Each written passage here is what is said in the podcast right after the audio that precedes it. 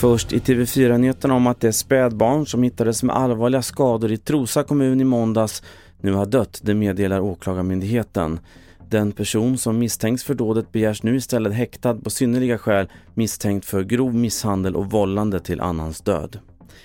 Idag är det som på engelska kallas för Overshoot Day, alltså dagen då vi förbrukat de resurser som vår planet kan återskapa på ett år. Alexandra Davidsson är generalsekreterare på organisationen Medveten konsumtion. Där är forskningen solklar. Vi släpper ut 9 ton koldioxidutsläpp per person och per år. Och vi behöver ju enligt Parisavtalet för att hålla den globala uppvärmningen, ta temperaturen till mindre än 2 grader, komma ner till hela 1 ton. Vi måste minska våra utsläpp. Till sist, hajar och rockor har länge ansetts vara tysta fiskar, alltså fiskar som inte avger några ljud. Men det är fel, det visar en studie från forskare i Sverige och Australien. Det här skriver Sveriges lantbruksuniversitet i ett pressmeddelande. Enligt studien kan minst två arter av stingrockor producera klickljud, troligen som ett försvars- eller varningsbeteende.